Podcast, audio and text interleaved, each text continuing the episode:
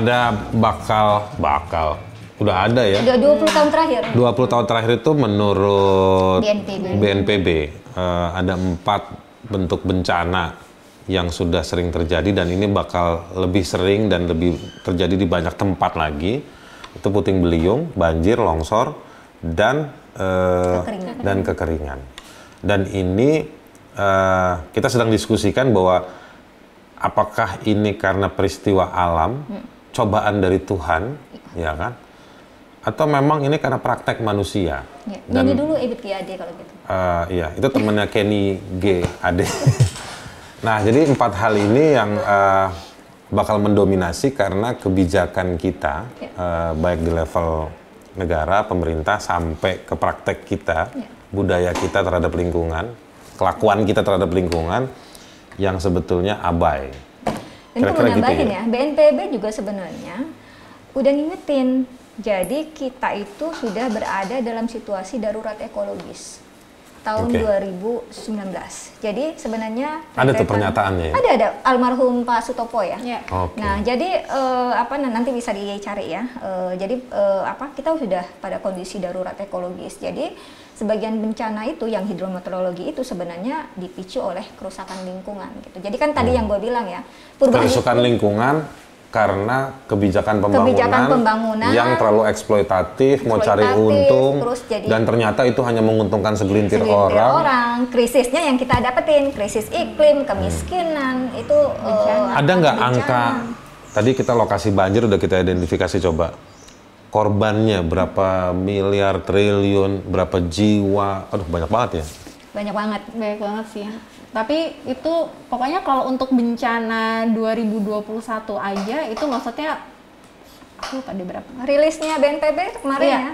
Untuk eh, yang udah berapa juta orang mengungsi dari total bencana satu juta lebih. satu gitu. juta ya sudah lebih dari satu juta Satu juta itu mengungsi. per kurun waktu atau pada Januari- peristiwa? sejak 2021 Januari- sejak jadi 2022 terhitung dari Januari. Cuma baru tahun ini aja yang baru berapa hari ini? Jadi ini eh, kita bukan negara yang sedang dalam kondisi perang, tapi, Tapi punya angka punya pengungsi, angka pengungsinya IDPs ya, pengungsi dalam ya, negeri ya, Pengungsi dalam negeri. yang cukup besar ya. Ya.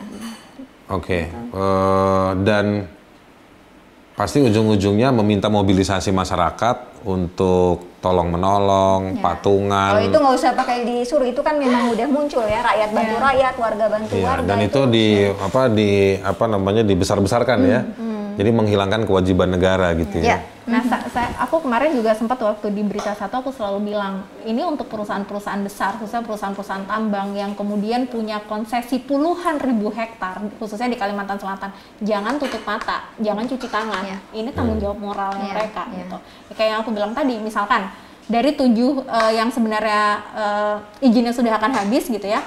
Aku sebut aja misalkan Arutmin. Arutmin itu perpanjangan di November 2020 karena dia sudah akan habis. Hmm. Jadi dia begitu habis dia langsung diperpanjang 10 tahun gitu ya, 10 tahun keluarlah si eh, Minerba. Undang-undang Minerba. Nah, Minerba itu menjamin Undang-undang Minerba. perpanj- Ya, Undang-Undang Minerba. Minerba menjamin perpanjangan dua kali dengan maksimal 10 tahun. Jadi dijamin akan dia akan diperpanjang secara otomatis gitu. Oke. Padahal dengan kondisi daya dukung yang kayak gini, kok masih mau bicara tambang gitu. Oke, sekarang gini deh, kita Jadi- hitung mereka itu kira-kira dapat duit berapa sih? Si perusahaan-perusahaan ini? Yang tambang batu bara, emas, nikel, pasir besi. Sampai udah Dan enggak, gitu. gua, gua pengen cuma ngebayangin aja. Enggak, ini kita ngomong kasar Iya, iya, aja. iya, Eh, ya paling kita dilaporin polisi nanti habis ini ya. Apa? Baris Krim Meteorologi dan Geofisika. ya. Kalau kita jadi di- jadi berapa kira-kira dapatnya terus eh, perbaikan Pemulihan. Gua bukan mau bilang bahwa yaudah lu jalan tapi lu perbaikan enggak. Cuman karena sudah terjadi, terus duitnya ke mana? Disumbang ke negara apa enggak? Bayar pajaknya. Itu kenapa KPK kan membentuk Korsup Minerba, Korsup Sawit. Tapi udah lama KPK bikin ya, ya kajian, nggak cuma, pernah gua ya, tahu. eh, akhirnya juga nggak nggak sebenarnya nggak bukan ya tetap kita harus dorong itu ya gitu Iya. biar bisa efektif tapi eh, uh, upaya bahwa melihat korporasi sebagai aktor gitu ya itu juga memang jadi penting selain negara tentu saja yang memberikan Iya. izin gitu kan apalagi Korporasi itu perusahaan-perusahaan besar. perusahaan-perusahaan yang Iya. bukan koperasi net Jadi sebenarnya gini, ini kalau sering disalahin karena gue kadang-kadang suka merasa kok lu pada nyalahin rakyat gitu ya. Iya. Pejabat negara suka ngomong makanya masyarakat jangan buang sampah sembarangan. Hmm. Ya kita buang apa sih cuman kulit pisang ya. sama gelas aqua ya itu memang masalah ya kan gelas-gelas mineral itu memang masalah.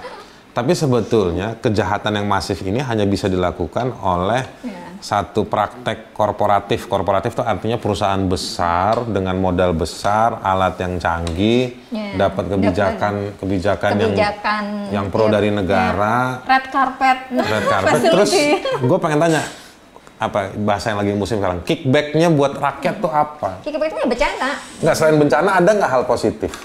Sekarang gini, misalkan nih, eh, tadi aku sedikit googling ya. Eh, ini Adaro dividen terakhirnya itu dia 250 juta US dollar.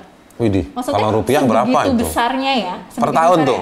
31,98 miliar itu dividen yang dibagikan oleh Adaro kepada Adaro ini saham. yang punya kan Erick Thohir. Eh, Erick Thohir, Ga- Garibaldi Thohir dan dia konsesinya juga Kalimantan Selatan. Iya. Ini Erick Thohir yang anak condet ya. iya iya Iya, iya. Soalnya Tio udah goleng-goleng kepala tuh. Tapi, maksud aku gini, maksud aku tuh tenang Tio tenang Eh, untuk teman-teman paham bahwa memang tadi kalau dibilang segelintir elit atau satu persen gitu ya, eh, mereka-mereka yang ada di satu persen ini memang mereka yang kemudian menguasai eh, industri ekstraktif yang ada di Indonesia. Dan mereka ada di kekuasaan. ada di kekuasaan. ada di kekuasaan. itu yang Jadi namanya jangan oligark itu ya gitu Oligarki itu ya, Iya. bukan oli samping. di samping Jadi jangan heran kalau tiba-tiba undang-undang itu hitungan minggu, hitungan bulan Bisa cepat ya. gitu. Hmm. Hitungan ini padahal sebenarnya Sementara kalau kita suka lihat berita tuh ongkos-ongkos korupsi nggak sampai 250 juta US dollar. Korupsi ketangkep tuh cuma misalnya cuma 15 M, iya. 20 M. ya tapi ini Murah ada ya? nah ya itu eh karena itulah murah juga. dulu mantan wapres lu bilang kan ya batu bara itu emang merusak lingkungan tapi itu yang paling murah nah itu sebenarnya mitos Ya. Oke. gitu mitos karena ya biaya lingkungannya itu nggak dibebankan ke mereka atau ke negara gitu tapi balik ke rakyat atau ke negara ya lewat karena APBN-nya harus biayain kalau ada bencana-bencana Ta- ta- tapi gini juga nih Mbak Lin, Hmm. dana sawit, Eh, B apa?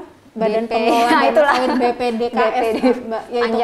Ya, itu kan itu dananya ke mana? Bukan ke Ya, petani sawit kecil, dia Ya, juga balik dananya ke kemudian subsidi. balik ke menjadi subsidi Subsidinya untuk si- industri Iya, iya. industri-industri kelapa sawit besar untuk kemudian dia menjalankan Jadi- program biodiesel misalkan. Untungnya mereka nggak diputer untuk pemberdayaan penguatan lingkungan dan masyarakat, Balik tapi justru lagi. puter ke Muter lagi. bisnisnya mereka ke sendiri. circle balik Betul. lagi Kayak misalkan undang-undang Minerba gini ya, itu bahkan dari dua tahun jaminan perpan eh, dua kali jaminan perpanjangan izin dalam jangka waktu 10 tahun paling lama. Berarti kan 10 tahun tambah lagi 10 tahun terjamin. Ya. Dengan kondisi kayak gini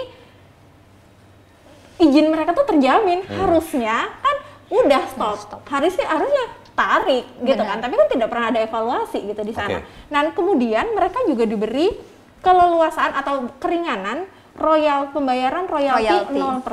0% untuk si perusahaan-perusahaan ini apabila mereka eh, mengekspan industri mereka untuk eh, Seolah-olah menciptakan lapangan pekerjaan hilirisasi batu bara, ya untuk hilirisasi batu bara, gitu. Jadi Iya, iya, un- dan siapa sih yang mampu untuk bikin hilirisasi batu bara kalau enggak top 5 iya Hmm. Artinya dia-dia juga. Dia dia juga. Jadi dampaknya buat orang kecil itu cuma sebagai tenaga kerja.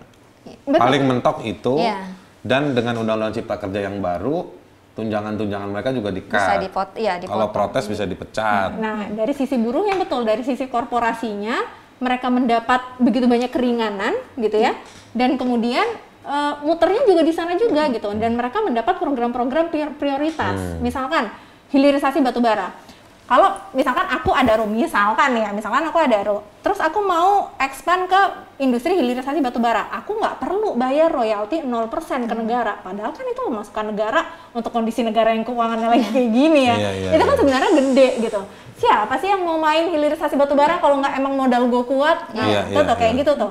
Gitu. Tapi kan kemudian yang kemudian menjadi pertanyaan dan sempat kita analisa adalah apakah program-program yang kemudian didorong oleh pemerintah biofuel gasifikasi batu bara untuk menggantikan impor LPG. Yakin itu bisa bikin penghematan APBN? No. Hmm. Itu justru bikin rugi negara. Subsidi itu akan terus Oke. dihisap dan digenjot semakin kenceng lagi gitu. Itu tuh bukan Oke. bisnis yang, yang kecil-kecil. bukan bisnis kecil yang kemudian Sekarang gini. ekonomi juga masuk. gitu. Sekarang gini nih, eh, udah habis lah nih kita bahas tadi kan, Hmm. kira-kira begitu. Nah sekarang untuk mengurangi angka puting beliung, banjir, Hmm. eh, longsor, apalagi satu lagi tadi Kekeringan. Kekeringan. Ya, bentar lagi nih kebakaran hutan dan lahan nih kebakaran Kalau- begitu musim panas. Kalau Musim udah musim panas. kekeringan, Hmm, udah kekeringan, pasti kebakaran kebakaran hutan. hutan. Itu yang Ujungnya. hujan nggak turun-turun. Hujan nggak Iya, turun-turun. nggak turun-turun. Kalau sekarang hujan kebanyakan, banjir. waktu itu hujan nggak turun-turun, turun-turun. ya kan? Oke. Padahal itu salahnya salahnya si kuda kan? Kudaku lari kencang masuk ke rumah hujan, salah ya. Nah, eh, gini. Jadi sebaiknya gimana polisinya? Eh, kebijakan yang punya dampak pada lingkungan hidup yang eh, friendly lah, yang ber- yang bersahabat dan dia bisa kontributif. Kita kan harus menyatakan cukup dan lelah dengan eh, banjir bandang tadi itu, ya kan? Dengan kekeringan, dengan puting beliung, dengan longsor. Kira-kira opsinya, kira-kira mungkin Maruf Amin nelpon Hindun lah antar malam. lu ngomong aja lu, mesti gue gimana nih misalnya kayak misalnya kayak Iya, gitu betul. misalnya. Sebenarnya gini, yang terdekat adalah banyak sekali kebijakan-kebijakan yang sebenarnya eh, korporasi besar itu diizinkan untuk merampok kekay merampok kekayaan alam. Itu dulu dihentikan dulu. deh. Harus ada yang berani untuk bilang stop. stop dulu. Lu udah kebanyakan nih. Bener, ini harus di stop dulu karena kalau nggak apa ya dikeruk, dikeruk lagi, dikeruk lagi, dikeruk lagi Hmm. gitu. Dan kayak misalkan undang-undang minerba itu juga se- selain mereka diberi jaminan perpanjangan, itu luasannya pun yang dulu lima, dibatasi hanya 15.000 hektar, sekarang nggak ada lagi batasnya. Hmm.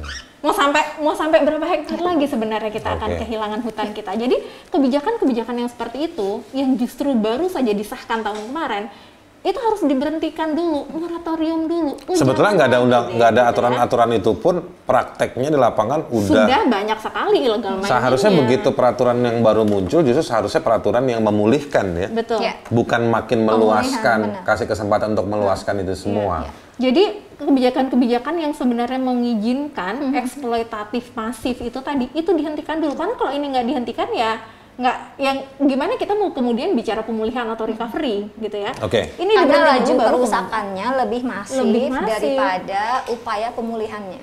kemudian. Dan itu semua eh, nggak bisa kan kita masyarakat yang harus ngadepin dampak buruk atau meng- eh, mengadvokasi atau me- mengajukan perubahan kebijakan nggak bisa. Itu harus di level negara, Negara. penguasa, Nah, pemerintah. dan menurut gue sih sebenarnya ini eh, momentum ya banjir banjir bencana ini momentum kalau negara punya political will gitu ya.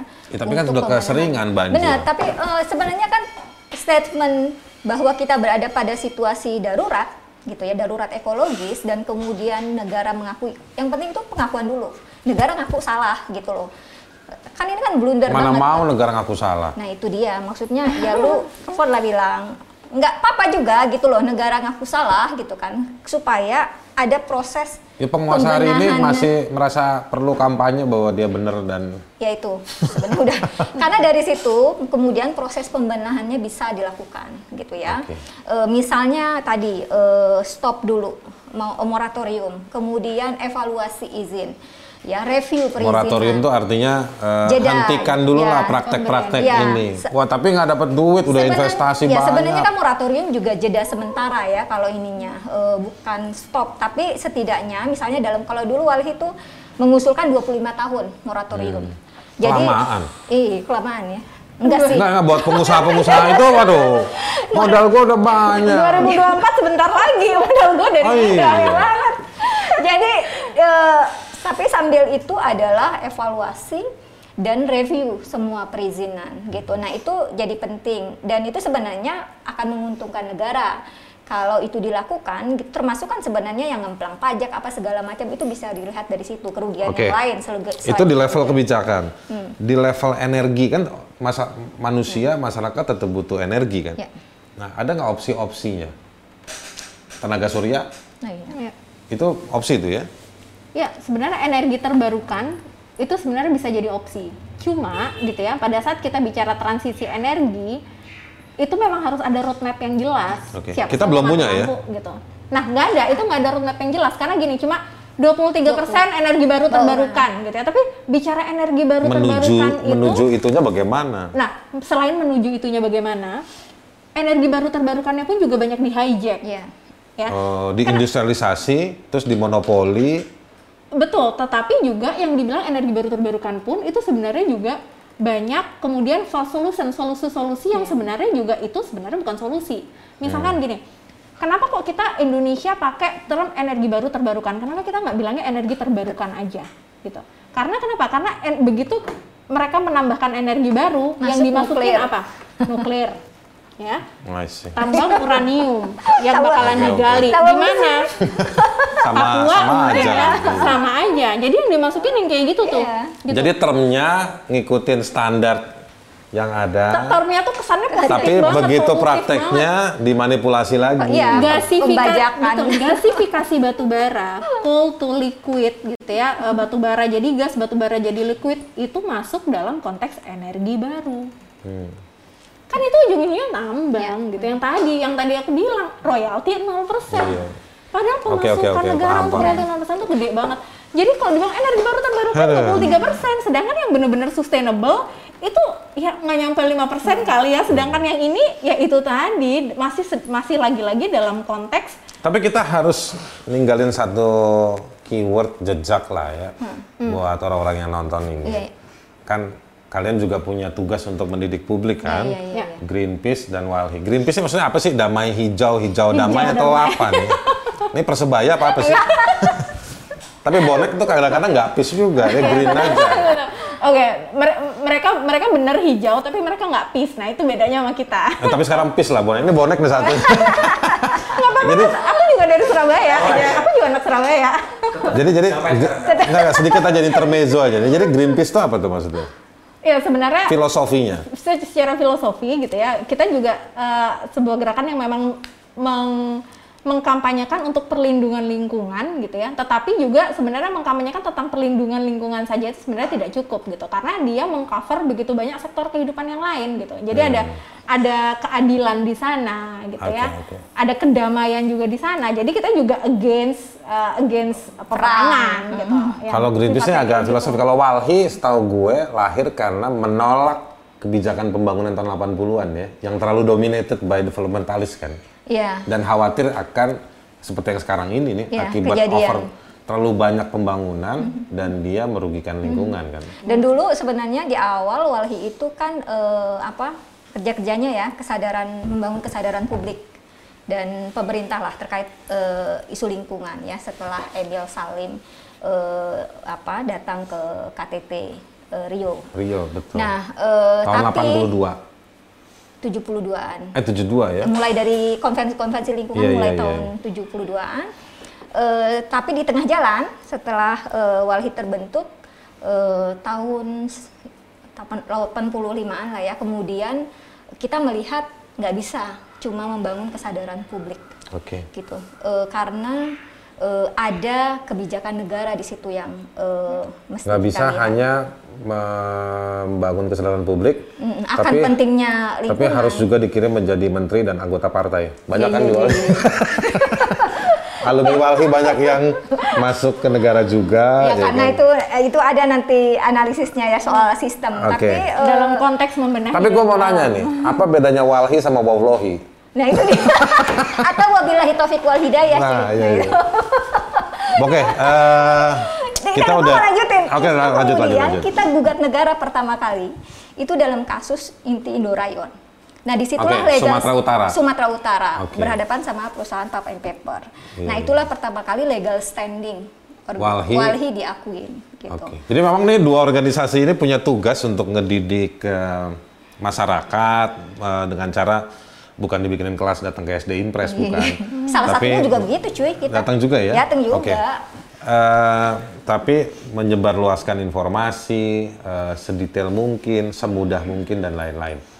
Eh, jadi memang eh, diskusi kita nih dengan dua mama-mama muda yang cantik-cantik dan sangat pintar ini uh, menurut gue sih sebetulnya dalam rangka untuk merelasikan kita jangan hanya melihat bahwa bencana banjir benar hari ini kita harus tolong orang yang susah tapi kita juga harus menolong itu diimbangi dengan kesadaran hmm. bahwa ini kita nggak bisa ngefitnah Tuhan bahwa ini gara-gara Tuhan hmm. bukan tapi ini karena kita yang salah kelola dan kita membiarkan salah kelola ini eh, terus terjadi dan kita gak, tidak mau melihat siapa di belakang eh, orang-orang uh, yang membuat kebijakan hmm atau punya kekuatan, punya kemampuan untuk membuat kebijakan dan bergerak, tapi tidak diberdayakan karena tersandra atau lebih berpihak pada para pengusaha atau kelompok-kelompok hmm. yang ngambil keuntungan uh, dari sumber daya alam. Dan ternyata mereka sebetulnya dekat sama para penguasa atau mereka atau adalah penguasanya. Kekuasaan itu sendiri.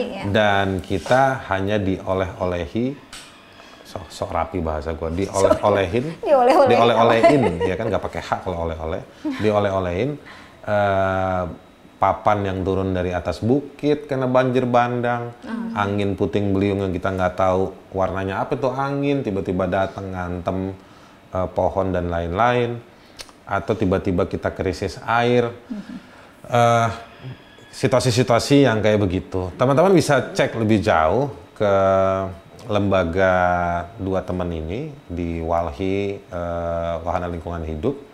Sebenarnya Walhi juga bagian dari Friends of the Earth, uh, ya. temannya bumi. Bahasa gampangnya gitu kan? Iya, iya benar. Friends of the Earth uh, internasional. Lalu di Hindun ada Greenpeace. Greenpeace ini organisasi internasional. Atau bahkan teman-teman muda bisa gabung jadi volunteer, banyak kan? Ya. Jadi volunteer. Uh, untuk kerja nanti berbagi peran kira-kira bagaimana menanggapi uh, ini semua. Saya juga mau mengingatkan bahwa gerakan menyelamatkan lingkungan hidup ini banyak korbannya. Ya. Uh, pengacaranya Walhi bukan cuma satu, tapi terakhir Wilfred ya. Golfred. Golfred, Uh, di Sumatera Utara yang mengadvokasi masyarakat lawan perusahaan sawit. PLTA Batang. PLTA pembangkit listrik tenaga air. Air ya. Itu juga jadi korban sampai meninggal. Dan ini angka mereka yang bekerja membela lingkungan hidup dikriminalisasi, dipenjarain, dilaporin polisi, uh, dijadiin korban kekerasan, uh, dibunuh itu bukan sedikit, ya. banyak bahkan bukan cuma di Indonesia, ya, tapi juga di global ya. ya fenomena global. Fenomena global. Uh, teman-teman sekalian, uh, karena waktu kita terbatas, listrik untuk merekam ini juga terbatas. Iya, iya. Kita juga nggak mau Dan terlalu menghasilkan energi yang uh, masih berasal dari masih berasal dari batu makanya kita kita juga punya pilihan. kita nggak punya pilihan. kita punya pilihan. Dan saya juga makanya karena kita harus mengimbangi antara informasi yang tersebar dan yeah. juga kontribusi kita untuk merusak lingkungan juga harus dibatasi. maka saya harus akhiri diskusi ini tanpa saya akan mengurangi hak Anda untuk kalau Anda mau marah-marah, anda mau kasih komen, Anda mau kasih ide, Anda mau melaporkan kasus lingkungan hidup yang mengakibatkan banjir, bencana dan lain-lain. hujan yang dilaporin. Uh, anda jangan melaporkan hujan, hujan. ke polisi jangan ya. Jangan. anda bisa tulis di komentar di uh, tayangan ini. Nanti ada kolom komentarnya yang sudah disusun oleh YouTube. Jadi Anda nggak usah gagu gugat YouTube, biarin aja. Tulis aja komentar Anda. Anda juga bisa berkoresponden ke dua kantor uh, ini ada Greenpeace, ada Walhi. Nanti saya kesempatan lain akan undang beberapa teman-teman yang lain untuk bicara hal-hal serupa. Terima kasih Kakak Alin, terima kasih juga Kakak Hindun. Uh, kita akan ketemu lagi di waktu yang baik mudah-mudahan. Terima kasih juga Thank Terima kasih juga teman-teman semua yang udah nonton kita semua.